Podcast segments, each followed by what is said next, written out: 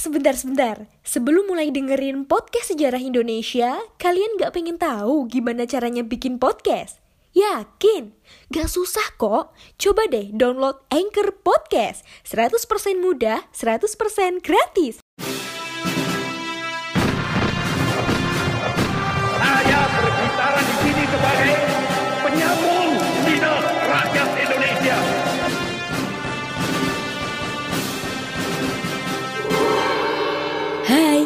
Kalian sedang mendengarkan Poseidon, podcast sejarah Indonesia. Ngomongin masa lalu dengan gaya masa kini. Halo guys, salam sejarah and welcome to podcast sejarah Indonesia. Nah, gimana nih kabar kalian hari ini? Semoga tetap sehat selalu ya, dan jangan lupa tetap bahagia. Oke, tidak lupa saya mengingatkan teman-teman karena ini masih di situasi pandemi untuk tetap mematuhi protokol kesehatan di mana pun kalian berada, seperti memakai masker, menjaga jarak, serta mencuci tangan dengan sabun. Karena apa? Karena pandemi masih ada dan semoga kita doakan pandemi cepat cabut dari muka bumi. Tidak terasa ya, kita ini sekarang sudah menyelesaikan season 1 dari podcast kita yang kemarin-kemarin dan sekarang ini kita akan memasuki season kedua. Untuk itu kami sampaikan terima kasih kepada semua pendengar yang tetap stay tune di channel ini. Oke, mari kita lanjutkan pembahasannya. Nah, pada kesempatan kali ini kita akan membahas mengenai konsep ruang, waktu, perubahan, keberlanjutan, serta konsep berpikir sinkronik dan diakronik dalam sejarah. Nah, teman hebat Indonesia, serta calon-calon pemimpin bangsa di masa depan, saat mempelajari sejarah, mungkin kalian kerap merasa sejarah itu sebagai ilmu hafalan. Bahkan, tidak jarang kalian mendengar kalimat seperti ini. Kenapa sih belajar sejarah kayak orang yang susah move on aja? Iya kan, pasti sering mendengar kalimat itu. Akan tetapi, jika kalian cermati, sejarah itu merupakan ilmu yang kaya akan pengetahuan, bukan hanya sebatas peristiwa masa lalu yang tersusun di lemari perpustakaan. Tetapi, pengetahuan dalam sejarah itu tersimpan dalam sebuah tembok. Nah, temboknya itu hanya bisa ditembus oleh interpretasi yang tajam terhadap teks-teks sejarah. Nah, belajar tentang sejarah tentu kita harus tahu sejarah itu tuh sebenarnya apa sih? Apakah hanya masa lalu saja atau ada arti yang lain? Sejarah secara umum adalah ilmu yang membahas mengenai aktivitas manusia di masa lampau. Jadi harus ada manusia dan harus ada aktivitasnya. Sejarah mengenal adanya dimensi spasial dan dimensi temporal. Kok keren banget sih ya ada dimensi-dimensinya? Tentu, dimensi spasial atau ruang merupakan tempat terjadinya suatu peristiwa sejarah. Nah, sedangkan dimensi temporal atau waktu ini berhubungan dengan kapan peristiwa tersebut terjadi. Nah, sedangkan manusia itu sendiri merupakan pelaku serta penulis sejarah itu sendiri. Konsep ruang dan waktu merupakan unsur yang paling penting dan tidak dapat dipisahkan dalam suatu peristiwa. Dalam kehidupan, segala aktivitas manusia pasti berlangsung bersamaan dengan waktu, serta tempat kejadian. Namun, sebelum membahas hal itu lebih jauh, coba sekarang kalian bayangkan peristiwa pembacaan naskah proklamasi. Bisakah kalian menjelaskan konsep ruang dan waktu dalam peristiwa tersebut? Nah, untuk dapat menjawab pertanyaan ini, mari kita simak materi tentang konsep ruang dan waktu berikut ini. Kita mulai dari yang pertama dulu, yaitu konsep ruang. Ruang atau dimensi spasial adalah suatu tempat terjadinya berbagai peristiwa alam ataupun peristiwa sosial serta peristiwa sejarah dalam perjalanan waktu. Suatu peristiwa tidak bisa terlepaskan dari ruang terjadinya peristiwa tersebut. Contohnya, saat peristiwa Bandung Lautan Api, maka peristiwa sejarah itu tidak bisa dilepaskan dari Bandung karena Bandung itu merupakan konsep ruang dari peristiwa Bandung Lautan Api. Istilah simpelnya yaitu Bandung merupakan tempat terjadinya peristiwa tersebut. Nah, kita masuk ke konsep yang kedua yaitu konsep waktu. Waktu atau dimensi temporal secara denotatif ialah satu kesatuan antara detik, menit, jam, hari, minggu, bulan, tahun, abad, dan seterusnya. Secara umum, konsep waktu dapat dipahami sebagai berikut. Yang pertama yaitu masa lampau itu sendiri ialah masa yang sudah terlewati. Namun, masa lampau itu bukan berarti masa yang final, melainkan ada kelanjutannya. Kemudian, yang kedua, masa lampau itu bersifat terbuka serta berkesinambungan. Maksudnya, apa pun yang terjadi di masa lampau akan mempengaruhi masa depan. Dan masa sekarang sangat dipengaruhi oleh masa lampau. Yang ketiga, sejarah bisa digunakan sebagai modal awal untuk bertindak di masa sekarang, atau istilahnya sebagai acuan untuk merencanakan masa yang akan datang. Nah, contoh penggunaan konsep waktu bisa dilihat dari peristiwa Perang Diponegoro. Kapan sih peristiwanya terjadi? Ya, tahun 1825 sampai 1830. Nah, itulah yang dinamakan konsep waktu, yaitu kapan terjadinya peristiwa sejarah. Oke? Nah, teman-teman sekalian, suatu peristiwa yang menjadi sejarah tidak dapat lepas dari struktur waktu yang menyertainya. Oleh karena itu, konsep waktu dalam sejarah itu sangat esensial atau istilahnya sangat penting. Nah, ternyata dalam sejarah itu ada empat konsep waktu, yaitu perkembangan, kesinambungan, pengulangan, dan perubahan yang akan kita bahas satu persatu disertai dengan contohnya. Oke, jadi jangan di skip-skip, nanti kalian ketinggalan ilmunya. Oke, yang pertama yaitu konsep perkembangan.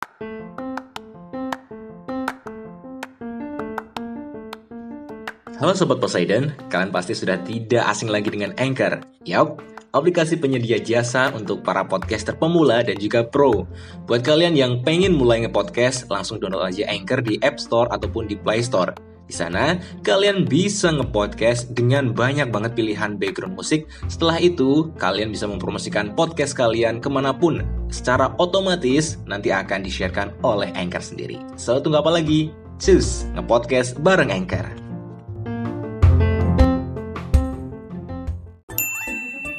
Nah, konsep perkembangan ini bermula ketika masyarakat berkembang dan membawa bentuk baru yang lebih relevan dengan kondisi zaman. Perkembangan ini bertujuan untuk memperbaharui segala sesuatu yang sudah dianggap tidak efektif bagi kelangsungan hidup masyarakat. Nah, Contoh peristiwanya adalah demokrasi Amerika yang semakin berkembang akibat dari perkembangan struktur kota yang semakin kompleks. Jadi, ketika dulu demokrasi Amerika itu masih sederhana, ketika sekarang negara bagiannya semakin bertambah, maka demokrasinya menjadi semakin kompleks. Nah, hal ini juga terjadi pada peristiwa di Indonesia, yaitu demokrasi Indonesia juga mengalami hal yang serupa, yaitu semakin banyaknya penduduk menyebabkan demokrasi di Indonesia itu menjadi lebih kompleks dari sebelum-sebelumnya. Namun, yang perlu diingat kalian adalah Konsep perkembangan tidak melulu tentang demokrasi, ini hanya contoh saja ya. Kalian bisa menemukan contoh yang lainnya. Yang kedua, yaitu konsep kesinambungan atau kelanjutan. Maksudnya adalah adanya kecenderungan masyarakat dalam mengadopsi cara-cara lama dan masih diterapkan pada masa sekarang ini. Peristiwa tersebut kemudian terjadi dan berlangsung secara terus-menerus. Meskipun ada beberapa poin yang nantinya berbeda dengan masa lalu, namun tidak akan merubah pola dan esensinya. Contohnya, yaitu sistem-sistem partai yang saat ini ada di kenegaraan kita itu menyerupai sistem kerajaan pada masa lalu. Atau yang lebih dapat kita pahami saat ini adalah permasalahan korupsi yang dari dulu sampai sekarang tetap ada. Ya kan? Dari dulu zaman kerajaan sampai sekarang zaman kenegaraan masih terdapat korupsi. Itulah yang dinamakan kesinambungan atau keberlanjutan. Paham? Nah, yang ketiga yaitu konsep pengulangan.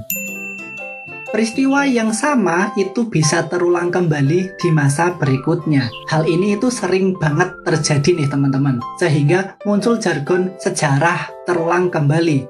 Namun tidak persis terjadi sama seperti dahulu.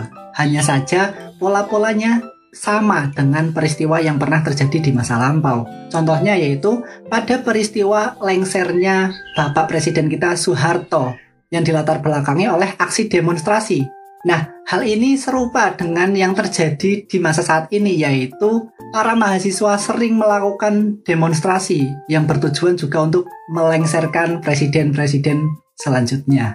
Atau contoh lainnya, mungkin kalian ingat ketika zaman Orde Baru yang namanya kebebasan berpendapat itu dibungkam. Nah, pada zaman sekarang ini, hal demikian itu seperti terulang kembali, yaitu saat kita mengungkapkan pendapat itu sama pemerintah kadang dibungkam dan ditutupi. Walaupun sekarang hanya samar-samar, tapi mengindikasikan bahwa sejarah itu mungkin saja bisa terulang kembali. Seperti itu ya. Konsep yang keempat yaitu konsep perubahan. Perubahan adalah kondisi lama itu tidak sama lagi dengan kondisi saat ini. Perubahan yang terjadi dalam masyarakat itu biasanya terjadi secara besar-besaran namun dalam kurun waktu yang cukup singkat. Hal ini biasanya itu terjadi karena adanya pengaruh yang kuat dari luar. Nah, contohnya yaitu dulu ketika Indonesia menggunakan konsep kerajaan, nah kemudian muncul Belanda pada akhirnya, kemudian Indonesia menjadi konsep kenegaraan. Hal itu juga terjadi serupa ketika pada zaman dahulu Indonesia menggunakan sistem parlementer menjadi presidensi lagi. Seperti itu ya. Jadi ada perubahan. Kondisi lama tidak sama lagi dengan kondisi saat ini. Nah, keempat konsep waktu yang sudah kita pelajari tadi ternyata tidak serta-merta terjadi begitu saja nih. Melainkan ada penyebabnya dari faktor internal dan eksternal. Adapun faktor internalnya yaitu disebabkan oleh perubahan penduduk, penemuan-penemuan baru, konflik masyarakat, dan revolusi. Nah, sedangkan untuk faktor eksternalnya yaitu karena faktor alam di sekitar masyarakat, kemudian terjadinya peperangan serta pengaruh budaya lain. Nah, gimana nih teman-teman? Sampai saat ini paham ya dengan apa yang saya sampaikan? Oke, kita masih ada satu pembahasan lagi yaitu tentang konsep berpikir. Dalam kaitannya dengan konsep ruang dan waktu, untuk memahami sebuah peristiwa sejarah, kita itu perlu yang namanya konsep berpikir. Nah, untuk saat ini yang sering kita gunakan ada dua konsep berpikir, yaitu konsep berpikir diakronik dan konsep berpikir sinkronik. Keduanya ini memang dua sudut pandang, namun keduanya masih berpegang teguh pada prinsip-prinsip kronologis atau prinsip-prinsip kesejarahan. Nah, kita akan mulai dari konsep berpikir diakronik.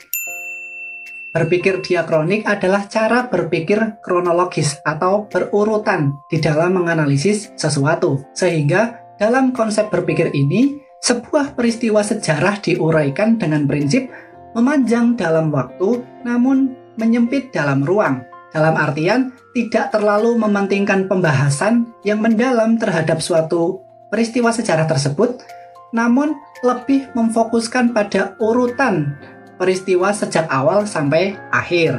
Nah, ciri-ciri dari konsep berpikir diakronik antara lain satu, Memanjang dalam waktu atau lebih mementingkan dimensi temporal atau waktunya.